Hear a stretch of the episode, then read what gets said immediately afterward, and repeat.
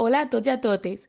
Som l'equip 7, format per Noel Abad, Raquel Navarro, Carla García, Paula Marco, Raúl Onofre i jo, Míriam Santana.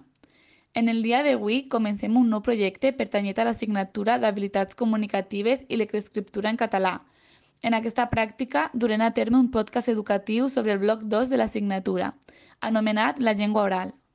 Com ja he dit, sóc Míriam Santana i a continuació us presentaré el primer episodi del nostre podcast, les teories de l'adquisició del llenguatge. Comencem amb la teoria psicoanalítica. Aquesta sorgeix en el psicoanàlisi de Freud, amb el qual s'investiguen els conflictes inconscients de les persones i com afecten el nostre comportament, repercutint directament al desenvolupament del nostre llenguatge. Aquesta teoria estudia també la relació entre llenguatge i vida afectiva, establint que els primers anys de vida són decisius. Continuant amb la teoria conductista, destaquen les aportacions de Skinner, qui va explicar l'adquisició del llenguatge des del punt de vista del condicionament clàssic, ja siga per repetició o per observació. D'aquesta manera, el llenguatge s'aprèn per associació com a reacció d'estímul-resposta, i en aquest sentit, l'associació entre la paraula i el significat s'estableix a través de percepcions repetides de determinats sons i objectes. Per últim, la teoria innatista.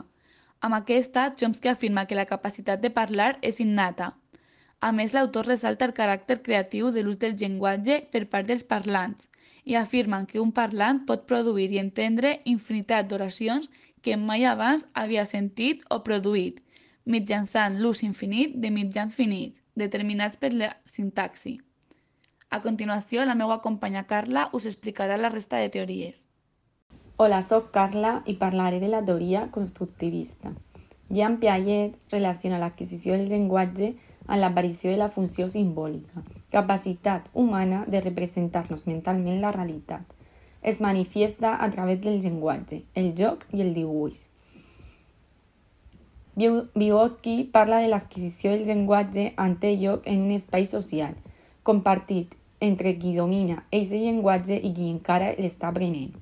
El desenvolupament del llenguatge no respon al pensament, sinó al medi social i la comunicació del mateix. Teoria interaccionista. Per a Brunner, el llenguatge és un acte social, més que la manifestació de la funció simbòlica. Posa l'accent en les activitats quotidianes compartides, sobretot entre mare i fill. Caràcter innat de ser coneixement específic.